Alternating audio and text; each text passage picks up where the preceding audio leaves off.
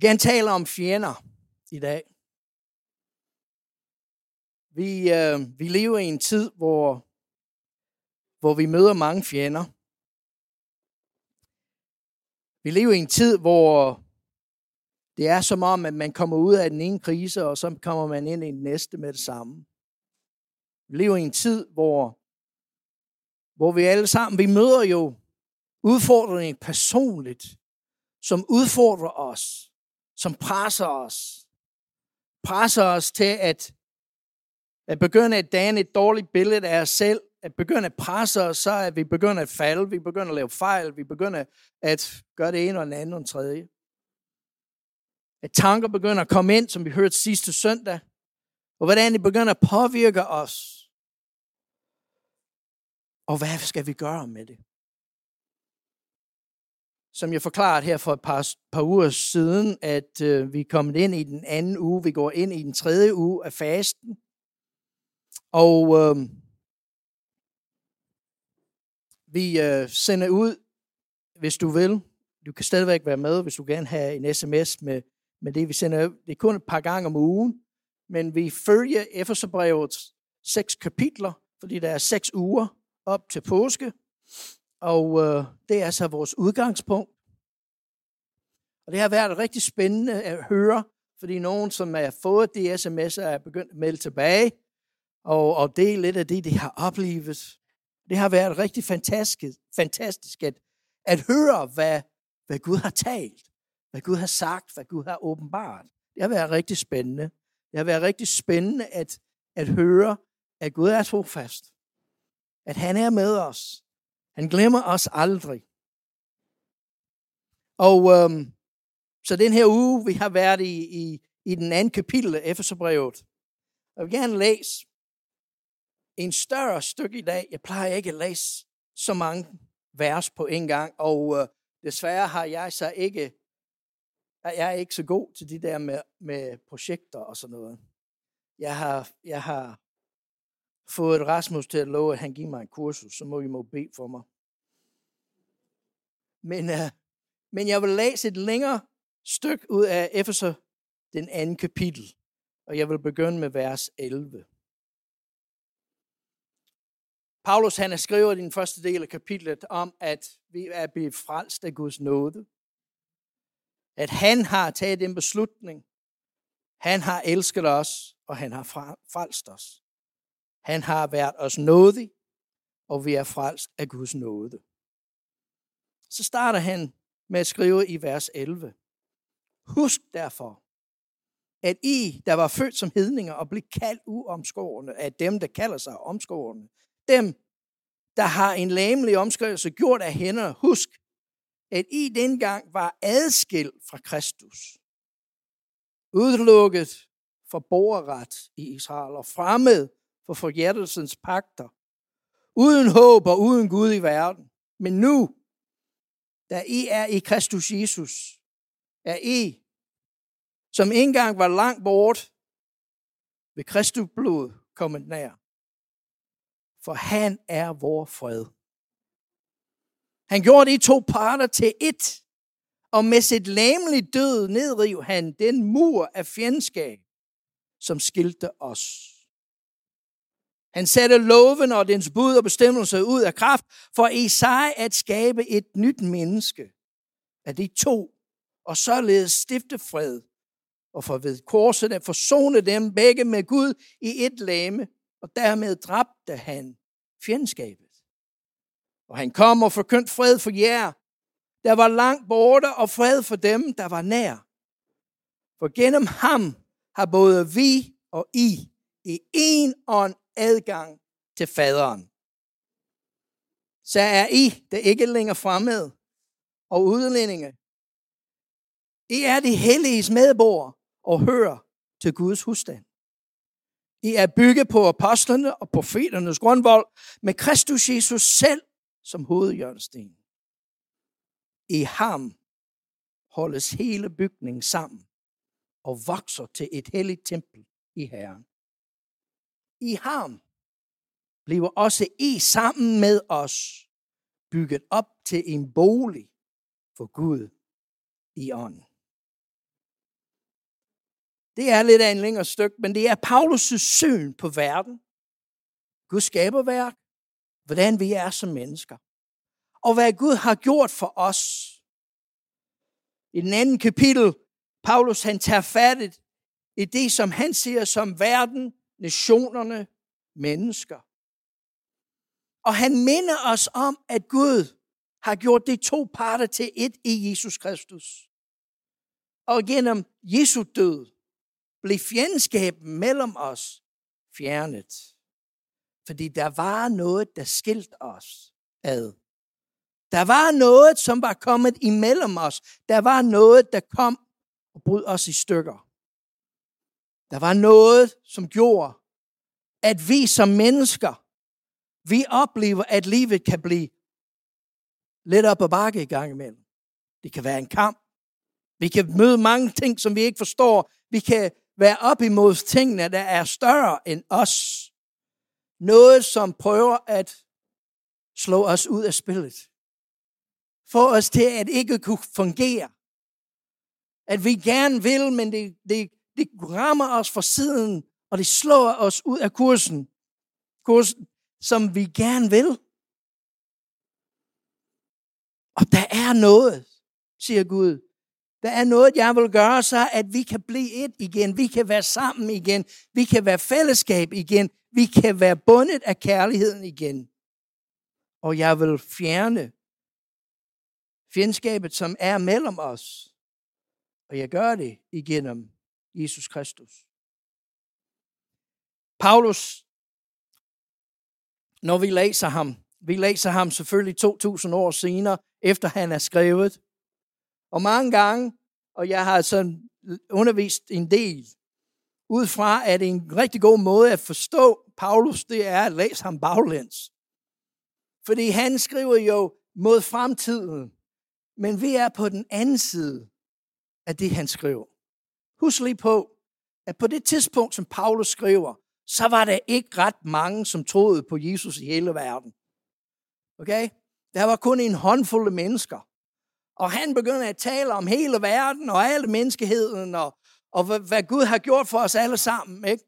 Han taler så mod fremtiden. Han taler ud i det, som ingen havde set eller kunne se. Men han kunne se noget andet, fordi han havde et andet syn på livet. Han havde noget, han kunne se igennem, og det var Guds ånd, som gjorde, at han kunne se verden fra en helt anden vinkel. Han kunne forstå, at der var et fjendskab, der var bygget op, og resultatet, eller det var en resultat af, at vi var blevet fremmed og udlænding over for Gud, men også over for hinanden. At vi var fremmede for hinanden. Vi var udlænding for, for hinanden. Og det har brudt os i stykker.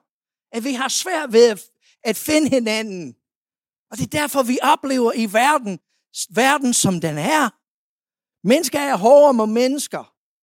Vi kan ikke enes. Vi kan ikke finde ud af det sammen. Fordi vi er blevet fremmed for hinanden. Vi er blevet udlændingen over for hinanden, siger Paulus. Og det er det, Gud er kommet for, at bryde i stykker og genoprette så at vi kan være en, et kød, sammen med ham i hans bolig.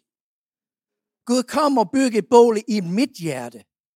Gør noget i mig, som giver mig et helt andet livssyn. Gør noget i mig, som giver mig noget, hvor jeg kan se mit liv i perspektiv, som du gør.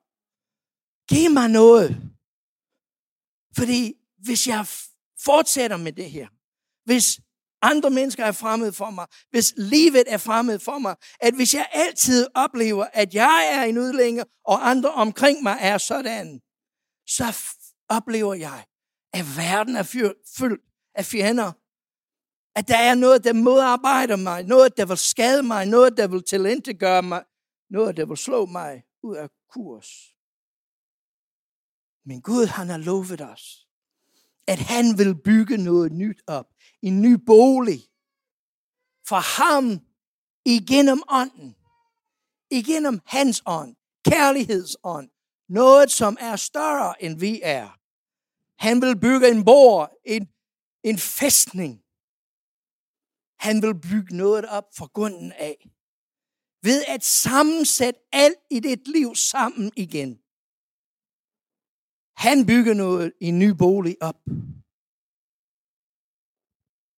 Han gør det. Han gør det del for del. Han tager det. Han gør noget ved det. Han opbygger noget igen efter, at det har været udlagt eller svækket eller gået i stykker. For os mennesker er det virkelig svært. For os mennesker, så er det virkelig svært at komme ind til en situation, hvor noget det går i stykker imellem os. Hvordan kan vi finde hinanden igen? Hvordan kan vi bygge en relation op igen? Hvordan kan vi finde ud af det med hinanden igen? Der er ikke ret mange mennesker, der kan. Der er rigtig mange mennesker, der kan blive enige om at gå videre sammen. Men det er trist at høre folk, som har været sammen i rigtig mange år, stadigvæk har noget i sig, der nærer sig for noget, der skete for mange år siden. Fordi vi er gået i stykker. Og vi som mennesker, vi kan ikke sætte tingene sammen. Vi kan prøve at gøre det godt igen. Vi kan prøve at komme videre. Men det er en forståelse af Guds helbredelse, som vi har brug for. Fordi når vi som mennesker taler om at blive helbredt, så taler vi om, at vi tager til lægen, og vi får en pille, og vi får det bedre. Tak og lov for det, det tror jeg på. Det er vi rigtig glade for. Hvis der er noget rigtig, rigtig galt, så kan de operere og måske reparere noget. Det er også godt. Det er også fantastisk. Men det er alt sammen at arbejde med det, der er, og gøre det så, at vi kan fortsætte. Det Gud gør i dit liv, at han tager, hvem du er, og han tager dig så tilbage til det punkt, før smerten kom. Før skaden var sket. Alt er blevet nyt igen. Det gamle er forbi. Noget nyt er kommet til. Det er ikke fordi, vi er blevet anderledes som mennesker, men vi har modtaget noget, der kan forny os i vores sind, i vores dagligdag, i vores sjæl. Det kan gøre os til nyt menneske. Ikke så, at jeg kan fortsætte at bære over med noget, men så, at jeg kan opleve at se på noget i et helt andet lys. At jeg kan blive genoprettet. At jeg kan se og opleve noget på ny at han vil bygge en bolig, en fæstning for mig. En, en enhed, jeg bliver med ham, og også med dem omkring mig. En enhed og en enighed. To forskellige ting, som vi er nødt til at forstå, at, at Gud gør for os. Den ene, det er det helbredelsesmæssigt, at han gør os til en enhed igen. Han gør os helt igen. Han gør så, at vi har noget sted, hvor vi hører til. Han genopretter noget i os. Men han tilbyder os også noget andet. Han giver os muligheden for at være enige med noget. Og nogensinde lagt mærke til, hvor uenige vi er i vores tid. Det er svært at finde nogen, der er enige. Det er som om, at det er en folkesport at være uenig. At det er sådan, at ligegyldigt hvem siger hvad, så skal jeg tage den anden side. Selvom jeg er enig med dem. Ikke? Luk op for fjernsyn og, og, og, og hør en debatprogram. Selvom de to er fuldstændig enige, så vil de begynde at diskutere noget, fordi vi skal være uenige. Og sagen er, at hvis vi fortsætter længe nok, så vil vi finde noget i den anden, at vi er uenige med. Bare spørg en med det?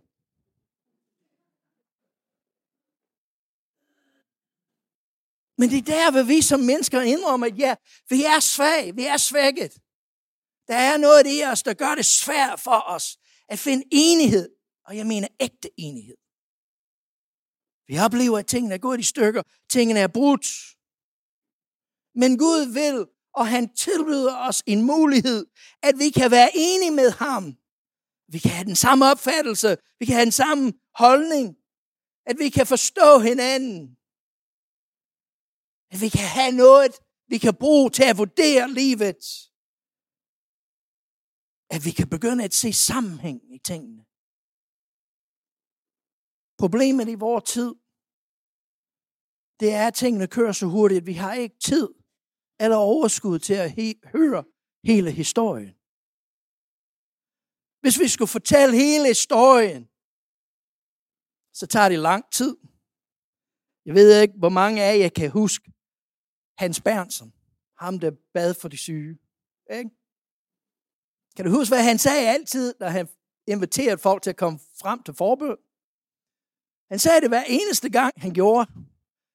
Han sagde, når du kommer frem til forbøn, du behøver ikke begynde med de år, du blev født. Fordi vi har, der er ikke tid.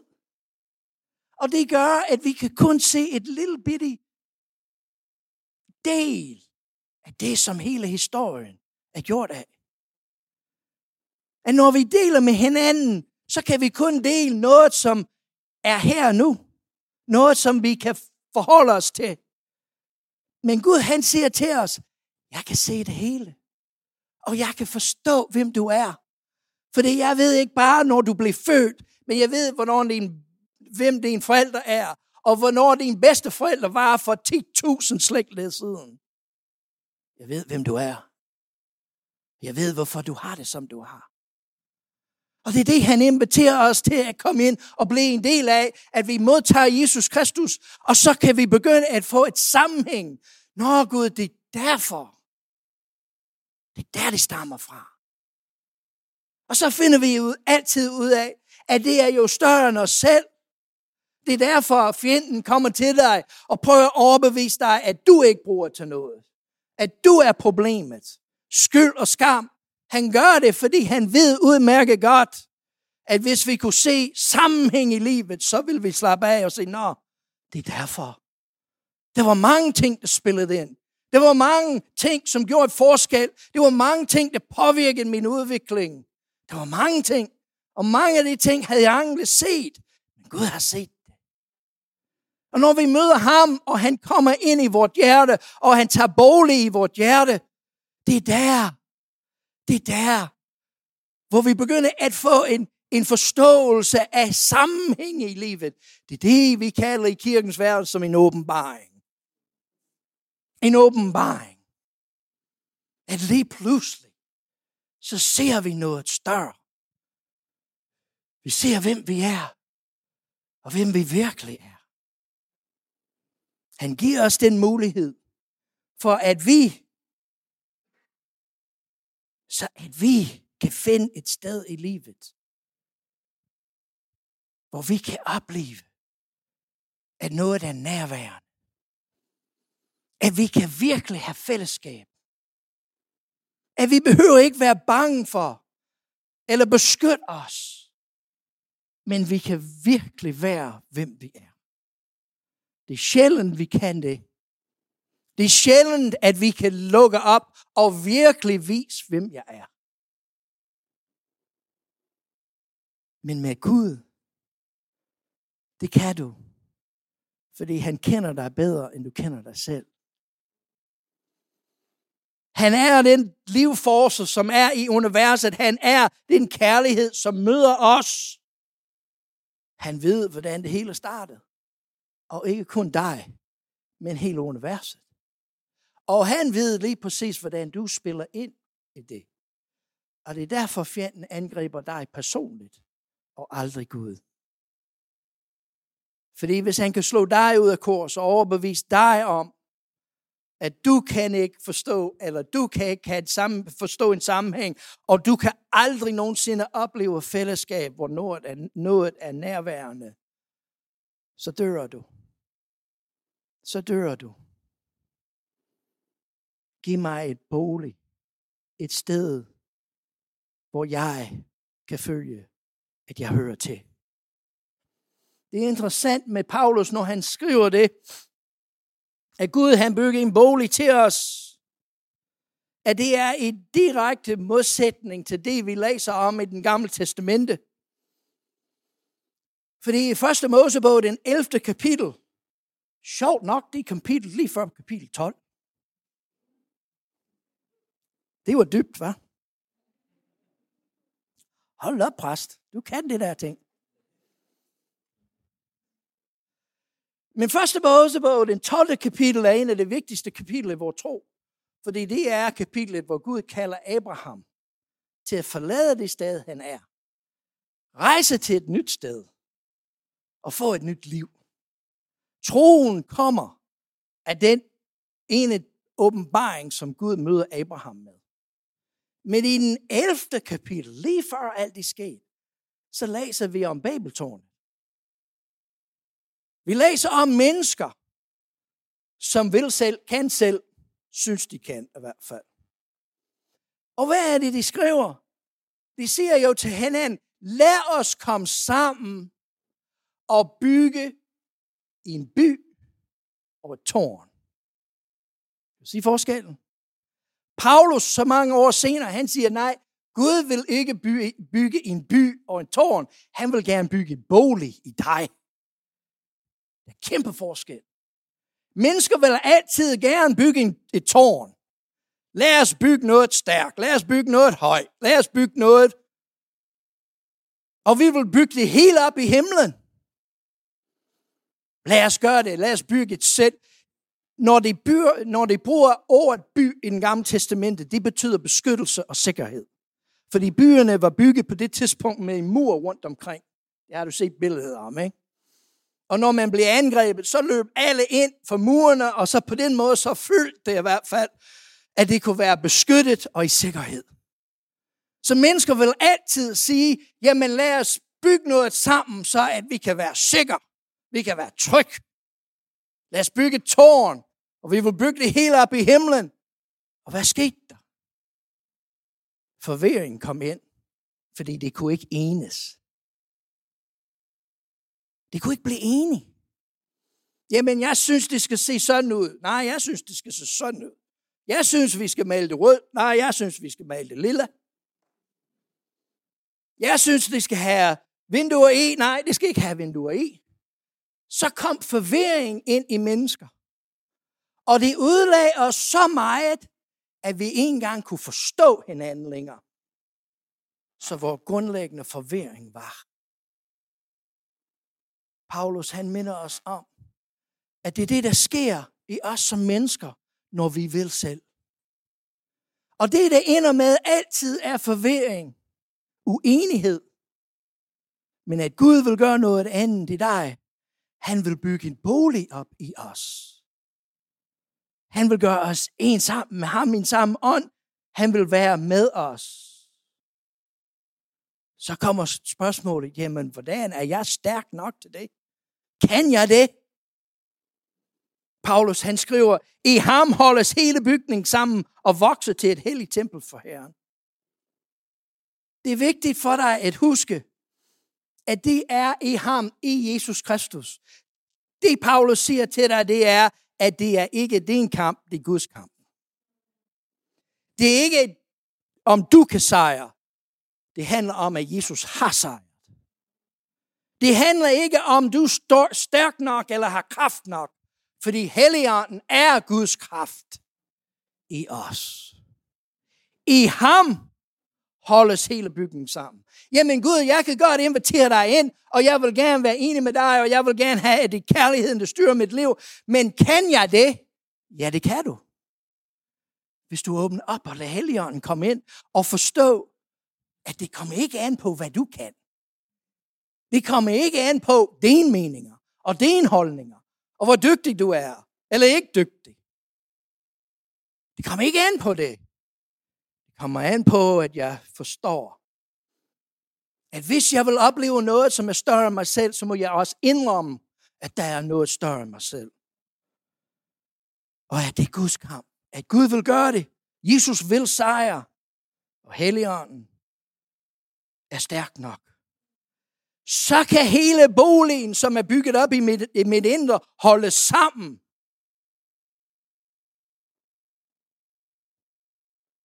Fordi det kræver et stykke arbejde.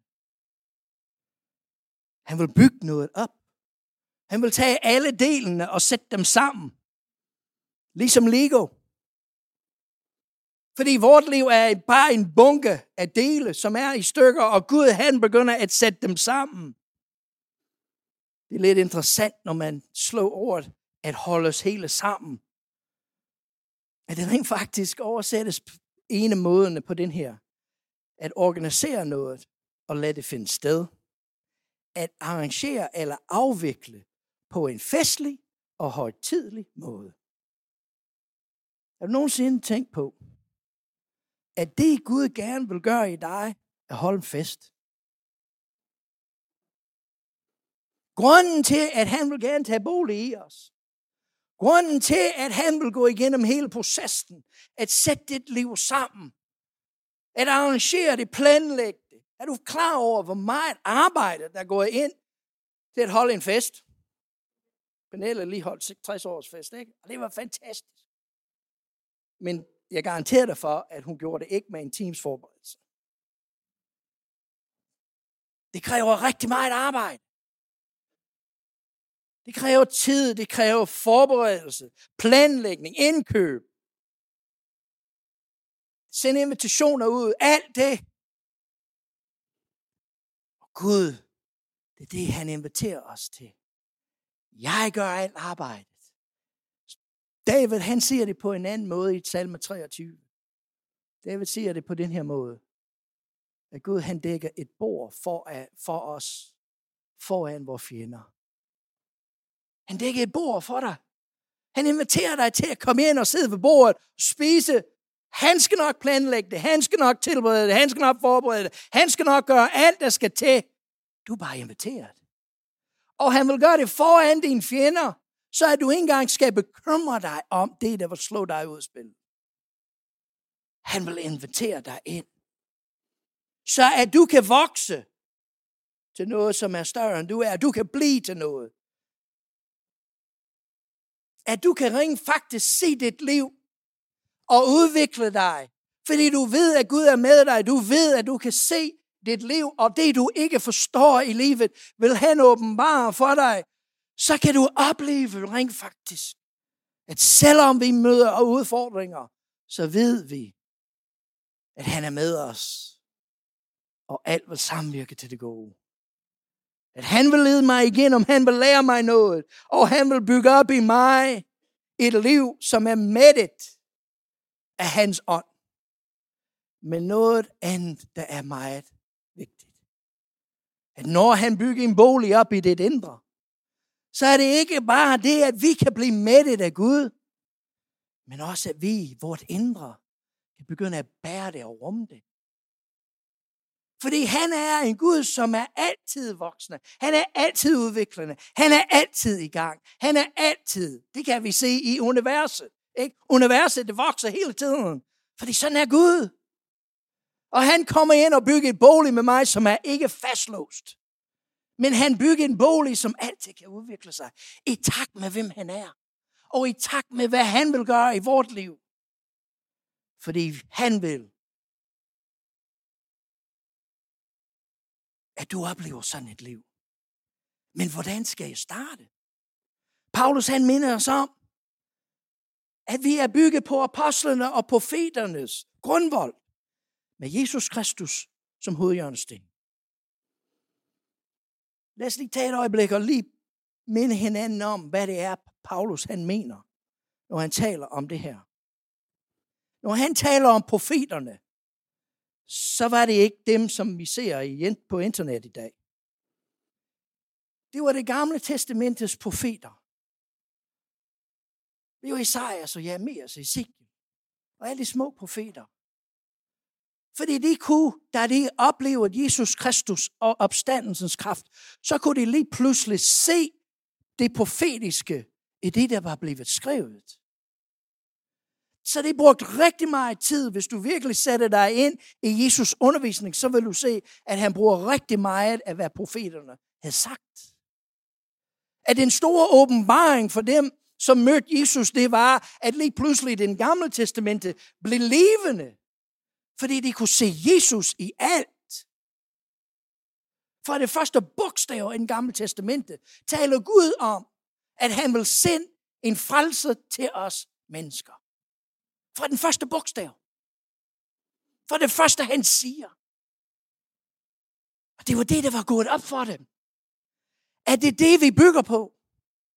At vi bygger på apostlenes grundvold. Det var dem, som havde set Jesus, som har været med ham. Det er der, hvor kontroverset med Paulus opstår. Fordi han kalder jo sig selv som en, en apostel. Og der var andre, der sagde, ja, men du gik ikke sammen med Jesus. Du havde aldrig set ham. Og Paulus, han gør noget, som er rigtig vigtigt for dig og mig. Og nogle gange, så kan vi være taknemmelige for, at der er nogen i blandt os, der vil rejse sig og tage kampen op. Men det gjorde Paulus. Og han sagde til dem, som vil kritisere og sige, nej, men det kan du ikke, fordi du er ikke sammen med Jesus. Han mindede dem om, at Gud han står aldrig stille. Og han rent faktisk havde set ham. Og rent faktisk havde oplevet ham. Og rent faktisk var med ham. Og det er derfor, han kalder sig for en apostel. En, som er sendt af Jesus selv. Jesus, han er vores grundvold. Han er den bærende element, udgangspunkt for os alle sammen. Med et fundament, et grundvold. Det er noget, der skal graves ned. Det er noget, der skal graves ned. Jesus han siger til os i Johannes 12, Sandelig, sandelig siger jeg, hvis et hvedekorn ikke falder i jorden og dør, bliver det kun til det ene korn. Men hvis det dør, så bærer det mange for. Vores grundvold i vores eget liv er det, som vi er villige til at begrave sammen med Kristus. Alle vores frustration, forvirring, smerte, hvad det nu er, hvis vi er villige til sammen med Jesus Kristus, lad det blive korsfæstet og begravet, så vil Gud oprejse det. Og det vil være vores fundament. Hvilken fundament var det, som Jesus står på? Det er opstandelsen. Det er opstandelsen. Det er noget, som ikke kan ske. Det er en umulighed. Når man er død, så er man død. Og lige pludselig, så var der en, der ikke var. Og hvordan forholder vi os til det? Men Gud, han møder os, og han siger, jamen jeg kan gøre det samme i dit liv, hvis du er villig til at lade mig komme ind og bygge en bolig. Men hvis jeg bygger en bolig i dig, så gør jeg rent. Så smider jeg ud. Og når vi gør det, når han gør det, hvad sker det med det i os? Han smider det ikke ud. Fordi jeg er, hvem jeg er. Jeg kan ikke lige pludselig sige, jamen jeg har ikke oplevet det som barn. Nej, jeg har oplevet nogle ting, som har virkelig havde en stor indflydelse i mit liv. Og jeg kan ikke bare lave som om, at det ikke skete. Vel? Det er i hvert fald farligt, hvis du prøver. Det vil jeg ikke anbefale dig. Hvad gør han? Han siger, jamen jeg rydder op, jeg gør rent, og jeg tager det, og jeg begraver det. Fordi når jeg begraver det, så vil det opstå igen. Og i opstandelsens kraft, så vil det blive det, der bliver din styrke. Og han tager din svaghed, og han gør dig stærk. Han siger til Paulus i hans mest mørke øjeblik, min nåde er dig nok. I din magtesløshed, i din svaghed, der hvor du ikke kan, du har begravet det. Og det er det, jeg vil rejse op igen, og det er det, der bliver stærkt i dig. Så at min svaghed i mit liv kan blive det, som jeg kan bygge på. Jeg kan ikke kigge tilbage og sige, åh, se hvor godt mit liv er gået. Jeg kigger tilbage på alle de tid, hvor jeg ikke kunne finde ud af livet. Alle de tidspunkter, hvor tingene ikke fungerede. Og jeg kan se, se, hvordan Gud var trofast. Hvordan Jesus var med mig. Hvordan han tog mig. Og han gjorde noget i mig, og sørgede for, at det ikke udlagt mit liv. Men han sørgede for, at jeg kunne finde en, og jeg kunne have et liv, og jeg kunne opleve alt det, jeg drømte om. Hvis ikke du begraver det, hvis ikke du lader Jesus komme ind og gøre det, han gør, så kan det aldrig blive vores fundament. Men når han gør det, så bliver han hovedhjørnesten, han bliver målstokken af alt, som alt andet i vort liv er mål, målt efter.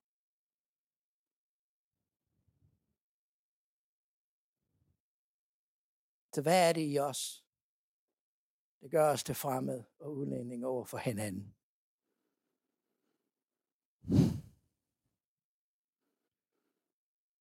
Det, der gør os fremmed, som Paulus skriver om, det er, når vi mangler viden om hinanden. Vi har ikke lært hinanden at kende. Det tager tid at sætte sig ned og læse om, hvem han er. Det tager tid til at sætte sig ned og snakke med hinanden. Når folk kommer til mig og har problemer mellem sig, præsten er for det meste det sidste håb. Så når det kommer så til mig, så er det virkelig problemer. Og hvad er det, de siger? Jeg har ikke talt på det, men jeg vil sige langt de fleste. De siger, at vi kan ikke tale med hinanden. Nogle gange så hører jeg noget, som han vil ikke tale til mig længere. Eller fra mandens side, jeg hører, hun forstår mig ikke. Vi er blevet fremmed over for hinanden. Fordi at lære hinanden tid at kende, det tager tid. Hvis du vil lære din far i himlen at kende, hvis du vil lære Jesus Kristus at kende, og får muligheden for at lære hinanden at kende, så tager det tid. Jamen, jeg har ikke tid. Jamen, find tid. Vi har alle sammen tid. Det er et spørgsmål om, hvordan vi bruger det. En udlænding er en, som er tæt på, men som du ikke kender. Du kan bo sammen med en hele livet, du ikke kender dem. Du kan godt være tæt på en og arbejde sammen med en i rigtig mange år og ikke kende dem. Hvordan kender vi dem? Hvordan kan vi undgå at blive udlændinge over for hinanden? Hvordan gør vi det? At acceptere hinanden. Accept, at vi rækker ud, og Gud tager os ved hånden at jeg tager imod, og jeg accepterer, og han accepterer mig. Og i det kan jeg acceptere andre. Paulus han skriver til os i Efesus 2. Vi siger ja til Jesus Kristus. Han er vores frelser. Med at sige ja til ham, siger vi nej til en hel masse andet. Vi siger nej til fjenden. Vi siger nej til at, være, at blive underlagt hans magt længere. Fjenden, du har ingen ret i mit liv. Jeg har taget imod Jesus. Han er min frelser. Han er min grundvold. Han er den, jeg måler mig efter. Han har accepteret mig, og han kender mig. Paulus han skriver til os, at vi skal lære og erfare, hvem han er. Brug tid i bøn. Brug tid at tænke og bede og lære, hvem han er. For det i det, i det retfærdiggør han os. Han helliggør os. Hvis vi ikke bruger tid til at lade os blive renset, blive fornyet i vort sind og i vort ånd, så kan vi aldrig opleve noget, som er større end os. Jesus. Han bliver den, som vi måler livet efter, fordi han helbreder os. Han gør os til helt mennesker igen. Jesus gør det, fordi han er sejrherren. Kampen er hans. Og det vil resultere i vort liv, at vi bliver et sammen med Gud. Og fjendskabet bliver fjernet mellem os og mellem os og Gud. Far i himlen, vi priser dig. Vi takker dig for, hvem du er. Vi takker dig for frelsens plan for os mennesker. Gud, vi står foran din trone i dag, og vi erkender, at vi som mennesker er svage. Vi har brug for dig. Vi behøver ikke andet, far, end at kigge rundt i verden og se, hvordan vi er som mennesker. Vi kan ikke finde ud af det. Vi kan se ind i vores eget familie, i vores eget liv, hvordan vi har svært med at finde hinanden. At bygge relationer og forhold. Det er svært, Gud. Så vil vi prøve noget helt andet, Gud. Vi vil bare stå foran din toner og erkende, at vi kan ikke finde ud af det. Vi har brug for dig. Og vi åbner vores hjerte. Og vi siger, Gud, jeg er træt af at prøve at bygge en by og et tårn. Jeg vil gerne, at du bygger en bolig i mig. Jesus. Jesus, det er det, du gerne vil. Du vil gerne komme med opstandelsens kraften og helbrede os. Du vil udgyde Guds ånd over os og fylde os med den hellige ånd. Det vil forny os. Det vil gøre vort liv nyt. Og Jesus, du er den, som kommer, når vi kalder på dig. Og vi kalder på dig i dag. Far, jeg takker dig. Jeg takker dig for din kærlighed, og jeg takker dig for hvordan du har elsket os, selvom vi ikke fortjente det. Jesus, jeg takker dig for din nåde, fordi du var villig til at komme og vise os, hvordan livet skulle leves. Jeg takker dig, Helligånd, for gennem dig har vi fællesskabet med Gud og med hinanden. I Jesu navn. Amen. Lad os alle sammen rejse os. Lad os alle sammen tage imod Guds velsignelse i dag og forstå, at han elsker os. Og han vil ikke, at vi forlader stedet, når vi er sammen, uden at vi minder hinanden om hans kærlighed til os. Så modtager Herrens velsignelse. For Herren velsigner dig, og Herren bevarer dig. Herren lader sit ansigt lyse over dig og være dig nådig. Herren løfter sit ansigt mod dig og give dig fred. Amen. Tak for formiddag.